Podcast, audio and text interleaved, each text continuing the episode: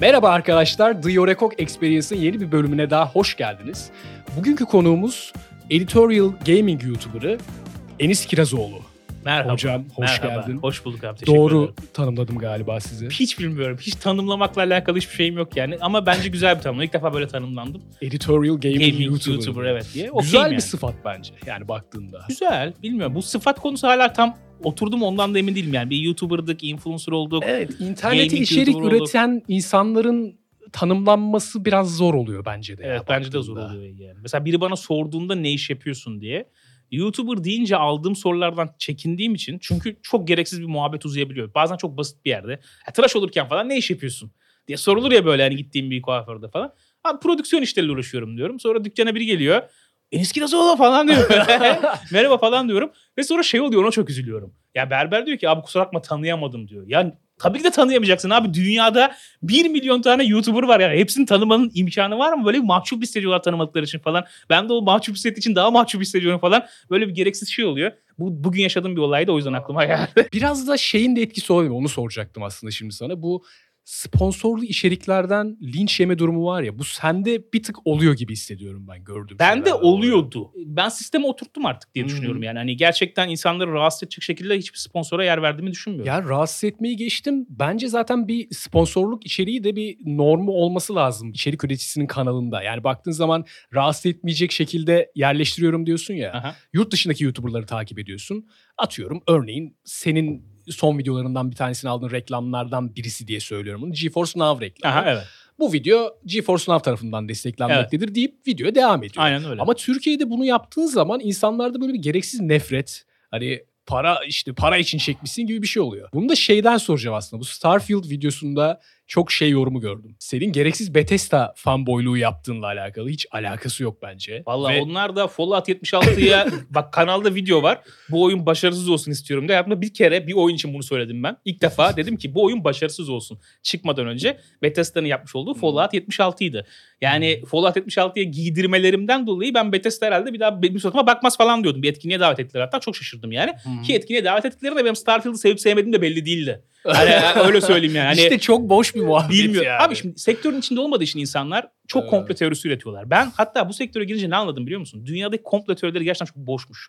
Yani kendimle alakalı üretilenleri görünce ya benle alakalı bu kadar çok insanlar üretebiliyorsa çünkü şöyle bir kafa var insanlarda. Microsoft'la el altından gizlice bir şeyler Ya imzalıyorum ben. Yok, Todd Howard'la ö- şey mi yaptınız Ya yani bir kere kanka? şunu söyleyeyim arkadaşlar. Türkiye yani Todd Howard haritada Türkiye'yi göster desen Todd Howard haritada Türkiye'nin yerini hani hemen bulamaz. Yani biraz arar büyük ihtimalle. Evet abi. Bunu ya. üzülerek söylüyorum ama maalesef Türkiye o kadar alengirli operasyonların döneceği kadar büyük bir oyun sektörü pazarı değil. Ya keşke olsa da öyle birileri illegal teklifler falan yapsa da biz de heyecanlansak yani abi bir şeyler oluyor burada falan diye. Keşke. Abi adamlar yani genel olarak Türkiye çok oyun sektörünün hani kazanç bakımından çok daha geride kaldığı için hani böyle Hmm. operasyonla kimse uğraşmaz yani. Hani şimdi ben bunlara niye cevap vermiyorum? Çünkü abi şunu fark ettim. Bunu 3 sene önce fark ettim. Sen birine cevap versen de başka yerde muhabbet devam ediyor. Oraya cevap Evet. veriyorsun, başka yere devam ediyor. Bunu Bitiremiyorsun muhabbeti. imkanı yok. kesinlikle. Ya kazanabileceğim bir savaş değil bu. Hı. O yüzden yapmayı bildiğim şekilde işlerimi yapacağım. Artık inan inanacak, inanmayan inanmayacak. Peki oradan geldi aklıma aslında. Bu komplo teorileriyle ilişkin var Ya ilişkin var mı derken e, takip ediyor musun? Hepsinin hain planlar var mı? ya böyle duyduğun en çılgın komplo teorisi ne mesela? Oyun sektörü için duyduğumu söyleyeyim. Bu çok taze bir şey. Last of Us Part 2 çıktığında şöyle bir muhabbet dönmüştü. Herkes çok yüksek puan vermişti oyuna. Basınlar, inceleyenler vesaireler falan filan. Sonra oyun çıktı tabii. Oyun hikayesinden dolayı da çok tartışma oldu. Ve hani insanlar ikiye bölündü falan filan. Ve orada şöyle bir çılgın teori vardı. Herkese para verilmiş. yani Last of Us ölsün diye Brezilya'dan Amerika'ya kadar tüm mecralara para verilmiş abi gibi teori vardı. Kritik bir karakterin hikayedeki rolünden dolayı çok Hmm. tartışma oldu. Evet o çok garip geliyor bana. Baktığın zaman hani sevdikleri bir karakter gidiyor mesela ya da işte bir karakteri uyuz oluyorlar insanlar ve bunun üzerinden komple teorisi çıkarmak yani çok böyle pis bir kafa gibi geliyor bana. O da hatırlıyorsun iki tane lezbiyen çift Aha. karakteri sunuluyor. Ve bunun üzerinden insanlar bayağı linç kampanyası başlattılar aslında. O insanların savunduğu şey şuydu diye hatırlıyorum. Böyle bir ajenda var. Gözümüze sokmaya çalışıyorlar. Bir kere şun, şu var ona inanıyorum. E, politik bir ajanda olup olmaması değil mevzu ama şunu yapmaya çalışan var. Özellikle bu şey döneminde çok çıkmıştı. Hani kadın gücü hareketini arkasına almaya çalışan ve filmi ona göre dizayn eden insanlar var. Yani bunlar şunu yapmaya çalışıyor yani hani bakın biz bunu ittirirsek bu şekilde Hmm. işte kadın gücünden dolayı insanlar bize ekstra destek verir gibi e, şeyleri Exploit edenler. Ha, evet evet bunu böyle istismar edenler oluyor onu hissediyorsun yani. Hmm. Mesela Ghostbuster'ın filmi bence tam ona bir örnek yani. O Şey kadınların olduğu Evet gasp. hani Abi çok ya kötüydü kötü ya. film yani. Şimdi bunu eleştirdiğin zaman Türkiye'de bunlar çok olmuyordu. Amerika'da biliyorsun şey Hmm. muhabbeti var ya. Bunu eleştirince sanki filmi değil de kadınların başrol olmasını eleştiriyormuşsun gibi bir algı çıkıyor ortaya. Yani hani Hmm. sen filmi eleştiriyorsun çünkü kadınlardan nefret ediyorsun gibi bir şey çıkıyor. Mesela bunu kendini güvenceye almaya çalışıyor film yapanlar ama film kötü mü? Kötü. Oyunlarda mesela Last of Us'ta bunun olduğunu düşünmüyorum. Çünkü orada problem şu. Ben şuna bakıyorum abi bunu kendi oynadığım şeylerde ve izlemiş değerlendirirken. Şimdi diziyi veya filmin kritik bir noktasını bu yüzden değiştiriyorlar mı? Yani bir şey olmasını bekliyorken bambaşka bir şey oluyor mu? Hani buna bakıyorum. Yani sırf onu bir şekilde su üzerine çıkartmak için normal hikayenin akması gereken kısmından farklı bir şekilde akıtıyor mu diye. Şöyle örnek verince anlarsın aslında. Ellie mesela Last of Us'taki karakterdi. ve Yani lezbiyen ilişki yaşayan karakter. Eşitse ilişki yaşayan karakter oydu. Yani Ellie'nin yerine Ahmet olsun veya Ellie Ahmet diye başka biriyle birlikte olsun falan. Hiçbir şey değişmiyor oyunda. Yani oyunun sana bir şey ittirme gibi bir durumu yok yani. Oyun tamamen bir hikaye kurgulamış. O hikaye içerisinde Ellie'nin bir ilişkisi var. Ve ilişkisi ona göre devam ediyor. Yani buna bakıp da oradan bir şey kapıyorsan sen takılıyorsundur buna yani. Burada onunla alakalı oyun sana bir şey göstermeye çalışmıyor ki. Oyun tam tersi. Normal bir anlatmak istediği bir şey var onu anlatıyor ve yaşadığı ilişkiyi gösteriyor. Bence orada dediğin gibi ayıran nokta ne kadar iyi yazıldığı karakterin. O en büyük Üzerinde o. altyapısı Evet. ne kadar düzgün yapılmış ve sanırım e, Last of Us'ın film dizisinde de böyle bir e, iki karakter vardı. Ona da tepki gösterdi insanlar. Onların O hikaye de çok güzel hikaye. çok güzel hikaye. Orada mesela kadın erkek, iki ne kadın fark eder veya ki? erkek erkek hiçbir şekilde fark etmiyor abi. Çünkü çok iyi yazılmış. Bak o çok önemli şey. Mesela abi bugüne kadar sinemada bir sürü tırışka kadın erkek aşk hikayesi görmüşüzdür. Bir sürü.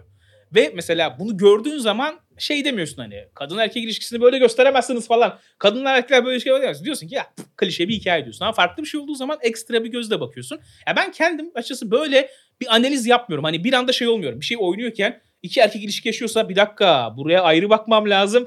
Burada iki erkek bir şey yaşıyorsa ekstra bir kendi oynadığım şeye takılıyorum yani. O yüzden çok da şey değilim. Ama bununla alakalı bir ahkam da kesmiyorum. Çok çünkü çok da insanların nasıl baktığına karışacak kadar kendimi bir hakta görmüyorum. Yani nasıl istiyorsa öyle baksın insanlar. Ben kendim böyle değerlendiriyorum. Sen yani. kendi bakış açından bir oyunu inceliyorsun sonuçta. E tabii Hani ben inceliyorum. Ama orada tırışka yazılan bir hikaye varsa o kötüdür. İyi Evet. yazılan bir hikaye varsa o. Yoksa oradaki aktörler, aktrisler çok fark etmiyor benim için.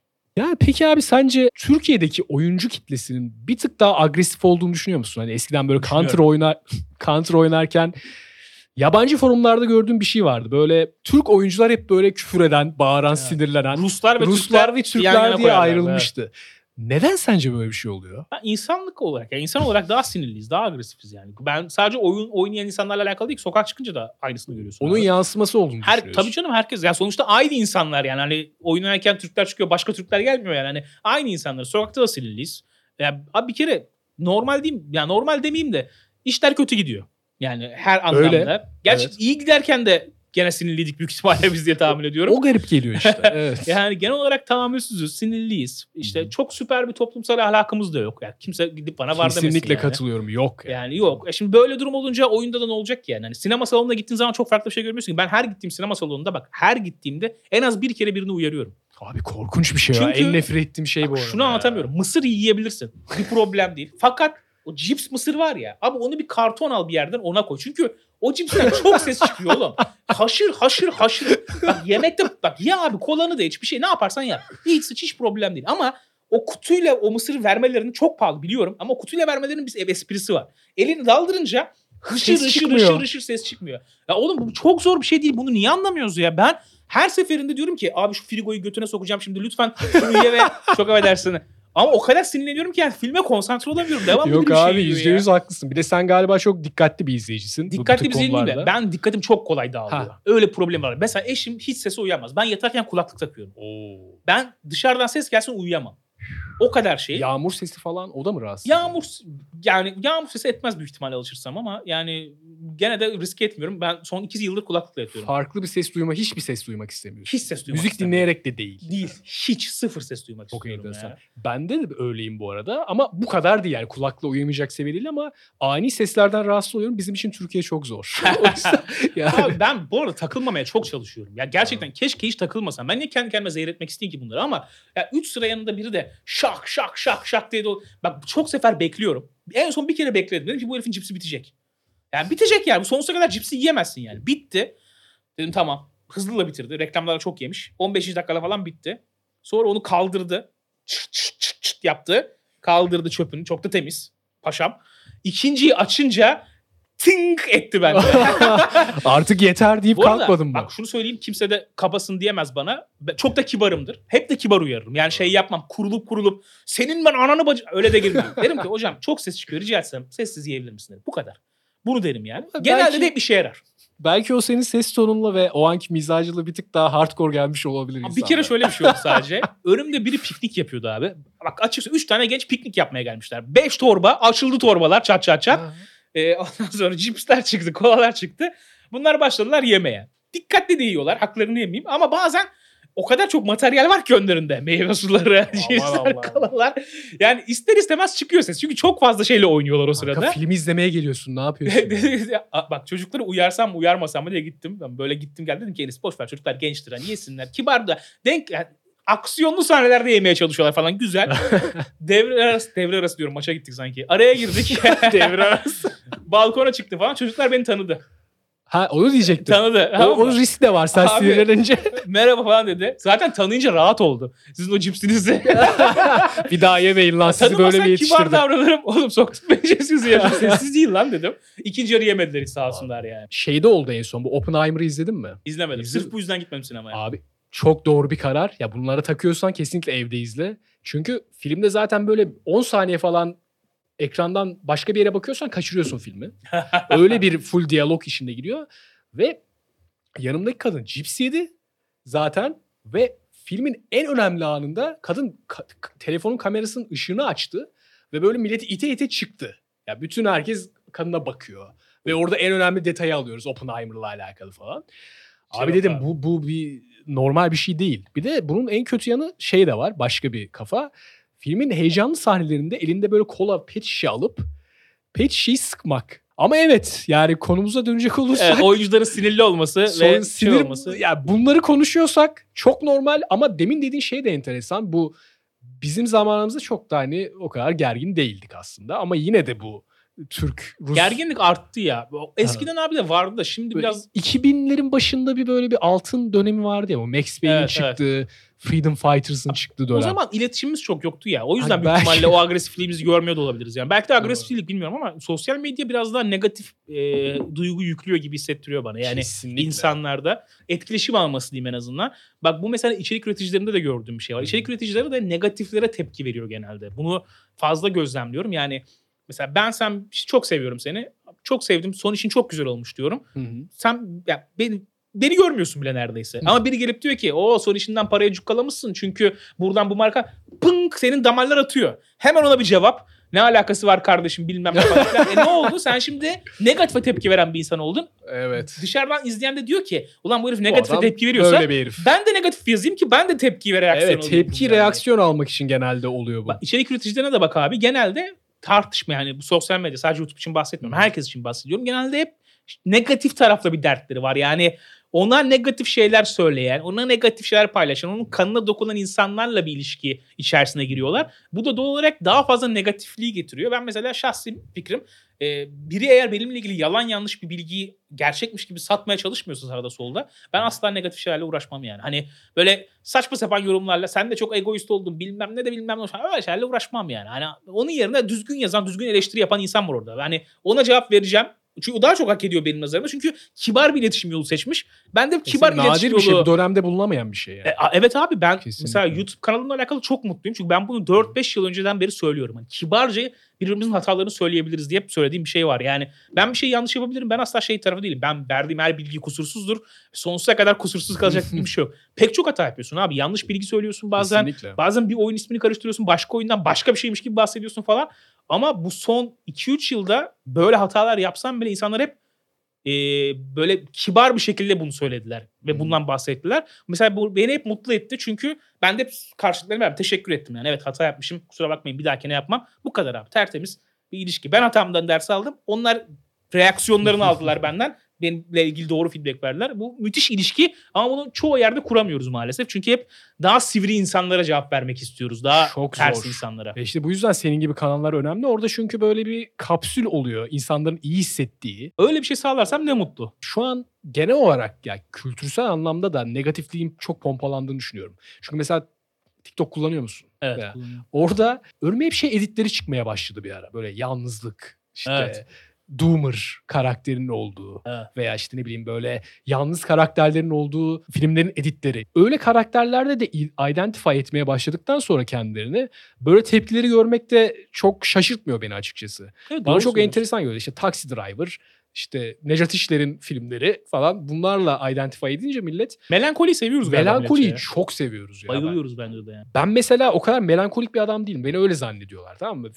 Çok negatif şeylere tamam belki yani eleştiri kanalı olduğu ses için tonun ve duruşunla Evet. alakalı bir melankolik Bir tık- bir hava var yani. bir tık öyle hissediyor ama hiç bel- hiç öyle bir adam değil. Yani aşırı zevk alırım hayattan baktığında. Ya bu biraz abartı oldu öyle şey gibi. Singing in the Rain gibi İtalya'dan geziyor. şarabım Aynen şarabı, Porto'dan şarabımı içiyorum. Promu. Peynirimi alıyorum falan. Hayatı yaşıyorum be kardeşim. Hayatı yaşıyorum kanka. Öyle değilim tabii de hani negatiflik insanların uzak durması gereken bir şey. Bence genel olarak yani bir yaşam biçimi olarak. Ya tabii ki bundan kaçamazsın. Böyle bir ülkede yaşıyoruz sonuçta. Ama kendi içinde en azından bu e, senin bu kanalın içinde yaptığın gibi bunu tutman gerekiyor. Ya o şey çok zor bir şey abi. Hayatla alakalı hmm, kendini nasıl konumlandıracağını gençken bilemiyorsun ya. Yani Doğru. hayata ne vereceksin, hayat sana ne verecek, işte hayat nedir, ben burada ne anlam bulacağım kendime falan filan. Hani hep bu sorular içerisinde kalıyorsun. E, orada da bir yol ve yöntem seçmen gerekiyor. Genelde hep bunlar şey oluyor işte. Ya maalesef şöyle bir sıkıntı var. Herkes sosyal medyayı çok aktif kullanıyor. Rol modelinde sosyal medyada gördüğün figürler üzerinden oluyor. Hani bir kitap okuyup da oradan edindiğin bir kültürle bir şey yoğurmuyorsun kendine genelde. TikTok editine göre bir hayat cool gel geliyorsan ona göre şey yapıyorsun. Bu, bu günümüzün şeyi bu şekilde. E buna göre de bir yöntem çiziyorsun ama ben şunu söyleyeyim yani mu- mutlu olmak diye bir şey yok zaten yok. İnsanlarda bence büyük ihtimalle şöyle bir problem var. Hep mutlu olacaklarını zannettikleri bir hayal kurmaya çalışıyorlar. Yani Hmm. gençken bende de vardı çünkü o şey derdim. Ya bir gün olacak ve mutlu olacak mıyız lan yani? Hep devamlı bir mutluluk hali süre gelecek mi işte üniversite bitince işe başlayınca bilmem ne olunca diye. Yani öyle bir hayatın olmadığını sadece mutlu olunarak yaşama mümkün olmadığını kabullendikleri zaman biraz daha rahat olacaklar diye tahmin ediyorum. Çünkü şu anda şey var bir mutlu olmam gerekiyor benim ben mutluluğu hak ediyorum. Ben birey olarak özelim. O mutluluğu almam lazım beklentisi var gençlerde ama alamıyorlar. Alamayınca da aşırı depresif bir hale gidiyorlar. Ya o mutluluk illüzyonunu biraz terk ettikleri zaman daha rahat edecekler gibi geliyor bana. Ben mesela şimdi abi oyun geliştirme işiyle uğraşıyorum. Nedeni de şu. Bir oyun çıkartmak istiyorum. Yani kendim çalıştığım, üzerine kafa yordum bir oyun çıksın istiyorum. Bir bir şeyin peşinde koşturmak o mutluluğu veriyor Kesinlikle yani. bir yani kendin bir şey yaratıyorsun orada. Hani bu yaşına kadar oyun oynamışsın ve o oyunu artık kendi hikayenle şekillendirebilecek noktada olduğunu hissediyorsun. Bu bir tecrübe. Denemek yani. istiyorsun abi en azından. Evet. Yani o sadece sürecin yorumlayan tarafında değil de oluşturan tarafında olmak nasıl bir şey? Ona göre çünkü mesela yaparken bile bir sürü şey öğreniyorsun. Yani şimdi mesela oyuna bakınca şeyi anlayabiliyorsun. Bazı şeyleri niye böyle yaptıklarını, neden etrafından dönmek yerine şu şekilde yaptıkları falan bunlar biraz daha iyi oturmaya başlıyor. Çünkü o kafayla hafiften yorumlamaya başlıyorsun. Biraz da teknik imkanları, Hı hı. sıkıntıları falan daha iyi analiz etmeye başlıyorsun. O bile bana bir fayda sağladı yani. Ama özete gelecek olursak devamlı mutlu olmak diye bir şeyin imkanı yoktur. Mümkün değil. Mutlu olmanın kıymetini bilmek için zaten mutsuz olmak şarttır. o Ya, yüzden hayat böyle bir şey yani. bir e, düştüğün nokta da oluyor, E yükseldiğin tabii, nokta oluyor. devamlı Bu o sürekli- Volkan Öğen'in vardı ya Ha, sizin aynen, videoda şey- devamlı 10 numara örneği vermişti o Ne yani. çizelgesi, mutluluk, Mutluluk çizelgesi. Abi, evet Aynen. yani yükselince mutlusun, inince mutsuzsun yani. Volkan da mühendis olduğu için daha net Bak, açıkladı onu. Bizim burada 20 kere, benim burada 20 cümleyle anlatma çalışıyor. Volkan Öge mutsuzluk ve mutluluk Aynen, editi Bunu aratın, anlayacaksınız. yani. Ben aynı kafadayım bu arada direkt. O Çok düşüncem o yani. ya. 30 yaşından sonra bir tık Galiba evet. Değişim. Sen Doğru de o biyolojik değişim hissettin mi 30 yaşından sonra? Her yerim şişmiş ya.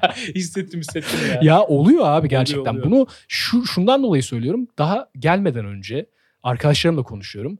Abi işte Instagram'da komik video paylaştığımız bir grup var diyelim. Orada hep şey atmaya başladılar. 30 yaşından sonra oyun oynanmıyor editi. Böyle işte Tony Soprano ağlıyor falan böyle hani 30 yaşında beli ağrıyor falan. Bu 30 yaştan sonra oyun oynamanın gerçekten zorlaştığını düşünüyor musun? Düşünüyorum ya. Özellikle benim mesleğim bu olmasa ben bile şey düşünüyorum mesela çocuk var, işten gelmişim, bir şeyler var. Yani oyun ne kadar oynayabilirim emin değilim. Yani Oynayamaz. Abi Türkiye'de bir de şey zor bir şey. Ee, çoğumuzun İstanbul'da yaşadığını varsayıyorum ama Ankara, İzmir'de de çok farklı değildir büyük ihtimalle. Yani evden çıkıp işe gitmek zaten bir hayat törpüsü. Eve geldin, bir şeyler yaptın, hadi oyun oynayayım dediğin zamanki nokta zaten yatmaya artık iki saatin kaldı kalmadı yani.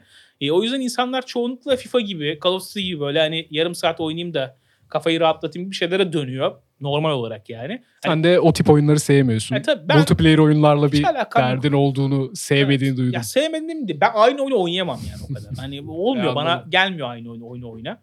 O yüzden de 30'dan sonra zorlaşıyor abi. Yani Zor olduğunu normal yani. Bana yani şey gibi geliyor hani oyunları çok sevdiğim bir film gibi gör, görüyorsan eğer ben öyle görüyorum. Ben de çoğunlukla Yani öyle görüyorum. örneğin e, Max Payne 3 diyelim örnek veriyorum. Hı. Onu defalarca oynarım ve zevk alırım. Hani o beni sıkmaz ama Evet. yeni çıkan oyunlarda bir bir his eksikliği var ya. Hani Max Payne 3'teki o dark hikaye.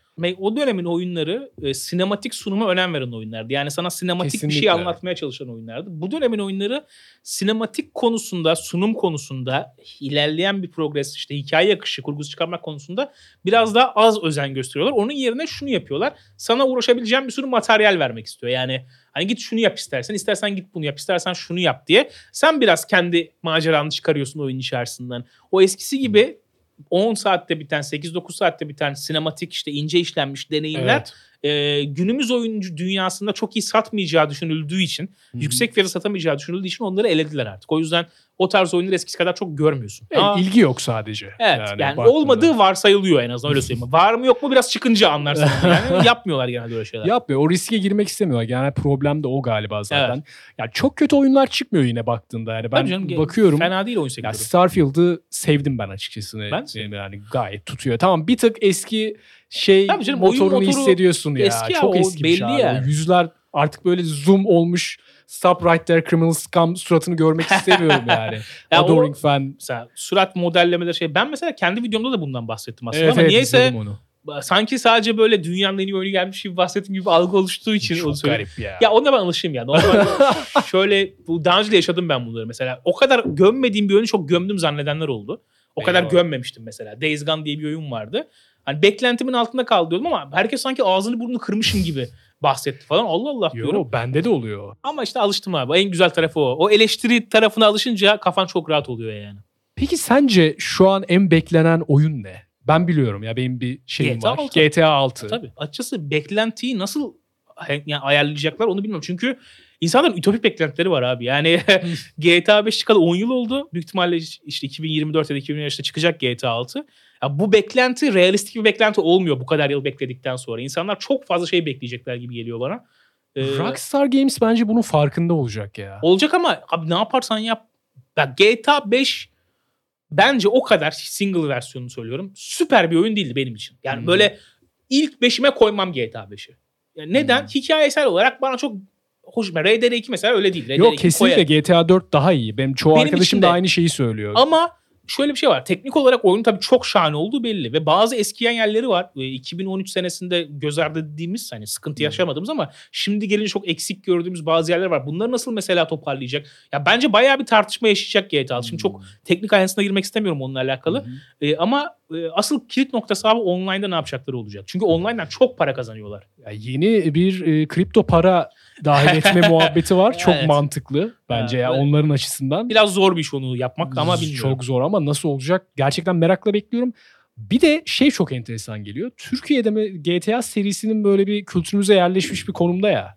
Evet. Düşündüğünde hani Tabii. herkes biliyor. Herkes yani biliyor, GTA Vice City, GTA 3, GTA 3'teki ana karakterin o tripleri, GTA 3'teki bu şehrin modellemesini hatırlarsın. Bir tık daha böyle liminal space gibi. Daha Evet. böyle karanlık, boş binalar.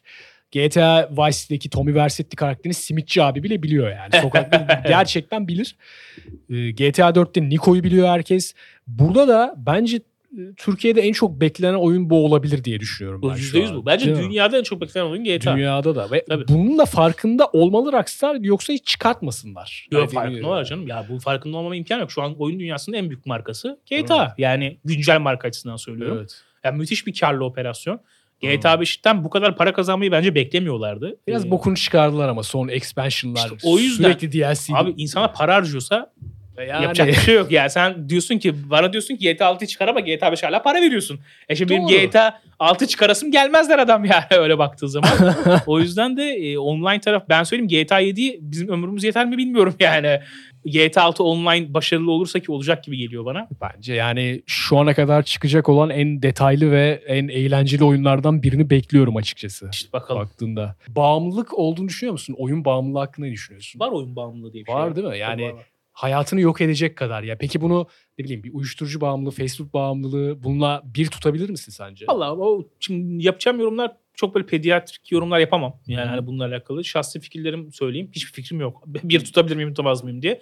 Ama e, oyun bağımlılığının tehlikesiz bir şey olduğunu düşünmüyorum. Yani ya tabii en tehlikesiz aralarında odur büyük ihtimalle. Hani saydığın örneklere istinaden. E, ama mesela TikTok bağımlılığı diye bir şey de var abi. Yani E hani, tabii aynı şey ya bence. benzer çok fazla etkileşime girdiğim ve bağımlısı olduğum bir sürü şey var. Ben sadece şeye biraz dertleniyorum. Oyun çok ayrı bir criminal vakaymış gibi davranıyor bazı insanlar. o Oyun sanki bağımlılığı. bizim eski dönemde vardı ya. Böyle 90'larda hani oyunlar gençleri etkiliyor. Öyle. Columbine katliamı Bak, yapıldı ama falan. bir vakaya daha bakar abi. Ya Ha. bir tane vaka çıksın şimdi yarın. Doğru. Liseliler counter oynarken birbirlerini tokatladı gibi bir bir habere bakar yani tekrar tartışmalar. Bak Minecraft'ı yasaklamaya çalıştılar. Çok Aa, değil. Doğru hatırlıyorum. İki yıl onu. öncesinin haberi bu yani. O çok saçmaydı Yani ya. dünyanın en saçma haberini gördük biz yani. Tabii ki de bu yaş büyüdükçe artık sen dediğin gibi abi bizim 2000'lerin başı gibi değil şu an.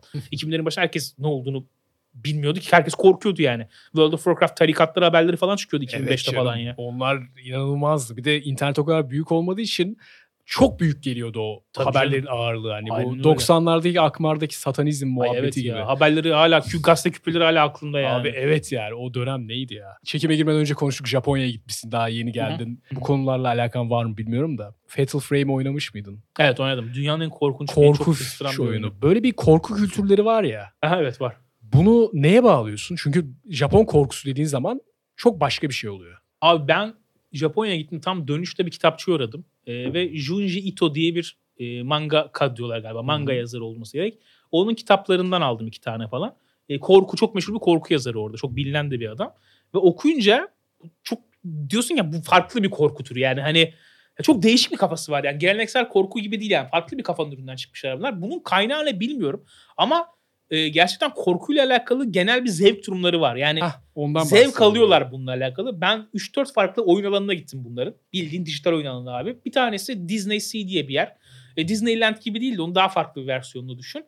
Oraya gittim mesela. Orada da gelmişken birkaç atraksiyona katılayım dedim. Şimdi baktım atraksiyonlara. Çekim yapacağım bu arada. Onun için katılıyorum. Bir tane Toy Story atraksiyonu vardı. Toy Story lan bu ne olabilir? E, girdim Toy Story atraksiyona. Sıra da yoktu. Gerçekten çocuklar için yapılmış bir şey. Yani böyle tık tık tık tık falan filan. Dedim güzel bu çoluk çocuk işi bunlar falan. Sonra bir tane de korku evi diye bir şey gördüm. Ama böyle bir otel. Ne olabilir ki ya? Korku Otel. tüneli gibi Yani bir büyük şey. bir otel. Dedim ki yani ne kadar korkunç olur. Hani çünkü Disney adı geçen bir yerdesin burada yani. Abi sırası vardı hayvan gibi. Hemen hızlı bir şey buldum. Fast pass sistemi falan varmış. Girdim oradan. Bizi aldılar bir odaya. Full Japonca anlatıyorlar. Hiçbir şey anlamıyorum bu arada. 8 kişiyiz böyle. Bir odadayız. Ee, bir otelin lobisindeyiz. Lobide abi kimse yok. Biz karanlık oda. Bizim korku evleri gibi düşün. Orada dijital bir ekranda bir yaratık çıktı böyle. Ama hiç korkacağım bir şey değil. Japonca bir şey anlatıyor bu yaratık. Büyük ihtimalle şunu diyor. Otel lanetli artık bitti. Bu lanetten dolayı hepiniz yanacaksınız falan filan diyor büyük ihtimalle. Bunu yaptı. Japon kızlar vardı hem de böyle "Iı" falan yaptılar. Seviyorlar, zevk alıyorlar. "Iı" yaptılar. Hep beraber başka bir alana geçtik. Bu alanda da bir baktım gene Japonlar Japonca konuşuyorlar. Ben hala neyin korku olduğunu anlamadım. Asansöre bineceksiniz diye bir tabela gördüm. Asansör var. Otelin üst katlarına çıkacağız büyük ihtimalle asansörle. Fakat asansöre oturunca biz 9-10 kişiyiz dediğim gibi. Kemer bağlayın dediler asansörde. Otelin eski bir otel lobisinde asansördeyiz. Yanımda işte Japon kızlara denk geldim ben de küçük ergen kızlara. Hi hi hi falan böyle böyle yapıyorlar. Ben de bunlar abartıyor falan diye düşünüyorum yani. Taklit çok iyi. Şu aklımdan çıkmayacak. Evet. Taktım kemeri. Sonra dedim ki ulan bunlar bizi kat kat gezdirip bir şey mi yapacak? Bir kat yukarı çıktık asansörle. Kapı açıldı böyle.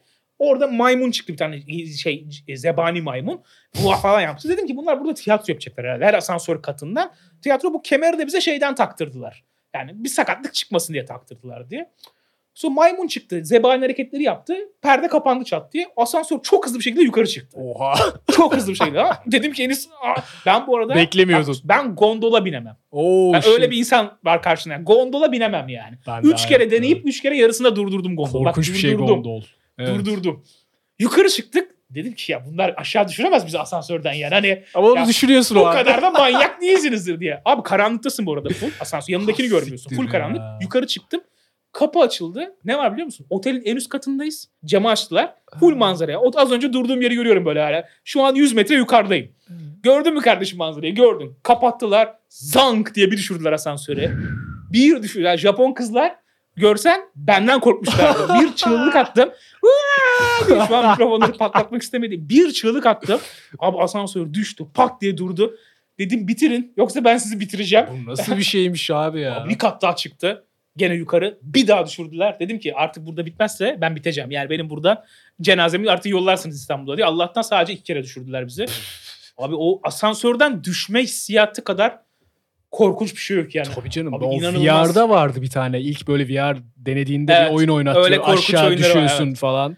Abi çok garip ya. Abi yani, yani, o, o gün ben Anladın. o gençlerin tiki tiki tiki diye gülmesine dalga geçerken gençler benimle tiki tiki sonra tiki diye. daha geçtiler. Yani çünkü böyle Allah'ım şaşmış şekilde çıktım yani orada inanılmaz Ya- bir şeydi yani. Bana şey gibi. Zevk alıyorlar dedin ya demin. Evet. Bence gerçekten bu kreatif bilinçle alakalı bir şey. Neden diyeceksin? Bütün toplum buna inandırıyor ve zevk alıyor ya ve kültürüne yerleşiyor, sinemasına yerleşiyor ve bir yerde insanlar gerçekten bunun olabileceğine inanıyor ya. Hani bu O da olabilir, evet, ruh doğru. gelecek ve bizi götürecek falan. Bu gerçek olarak çok daha kolay kabul edilebilir bir şey gibi geliyor. Çünkü ben e, sinema televizyon okudum. Bir tane mezuniyet filmlerinden birinde korku filmi yaptım. Ya bir kız evde kalıyor ve hani ruhlar geliyor gibi bir şey. Hı hı. Ve Erasmus'tayken oradaki Japon kızlara izlettik, izlettim bunu. Abi herkes dalga geçiyor falan bok gibi. Hani o yaptığımız ruhlar bayağı beyaz pudralı adam yani falan böyle geliyor bakıyor falan. Kız uyurken geliyor bakıyor. Abi işte herkes bir şeyini izletiyor. Ben daha film çektim falan diye onu açtım. Oğlum kızlar uyuyamadı iki gece. Şey Gerçekten yani, mi? Nasıl dediğin gibi işte iyi falan deyip korktular. Hani gerçekten böyle bir anlayışları var galiba. Bana da şey gibi geliyor. Yani kültürel olarak senin dediğin gibi stresli bir hayat şey olduğu için hep Hmm. beklenti yüksek, hep bir şey Evet, var, hep o şey da var. olabilir. Bir ek, zevklerin çoğu ekstrem zevkler gibi geliyor bana da. Yani Evet. biraz uçlarda zevk sahibi oluyorlar. Yani oynadıkları arcade salonlarındaki oyunlardaki oynayış şekilleri de çok fantastik yani. Senin Hı. burada göremeyeceğin, görünce böyle televizyona çıkaracağın hızlı oyun oynayan insanlar orada mahalle arasında bir giriyorsun. Adam tak tak tak tak bir davulla oynuyor. Biri tak tak bir şeyle oynuyor falan. Alelade gördüğün tipler yani çok hızlı reaksiyonu yüksek, adrenalin yüksek şeyler oynamayı seviyorlar. Korkuda da büyük ihtimalle daha adrenalin Evet yüksek evet. şeylerle vakit geçirmek istiyor olabilirler yani. var ya. o korkma duygusunu seviyorlar. Bayağı şey var yani korku ile Evet. alakalı Ya oyunlardan evleri, belli oyunları var. zaten yani bu. Survival horror'ın başlangıç yani. atısı yani. Abi o zaman geldiğin için çok teşekkür Ben ediyorum. teşekkür ederim davet ettiğin için. Bence demek. efsane bir program oldu. Umarım zevk Güzel geçmiştir. konuştuk. O zaman arkadaşlar kendinize iyi bakın. Bir Yorekok Experience'ın daha sonuna geliyoruz. İzlediğiniz için teşekkürler. Bir sonraki bölümde görüşmek üzere. Bay bay.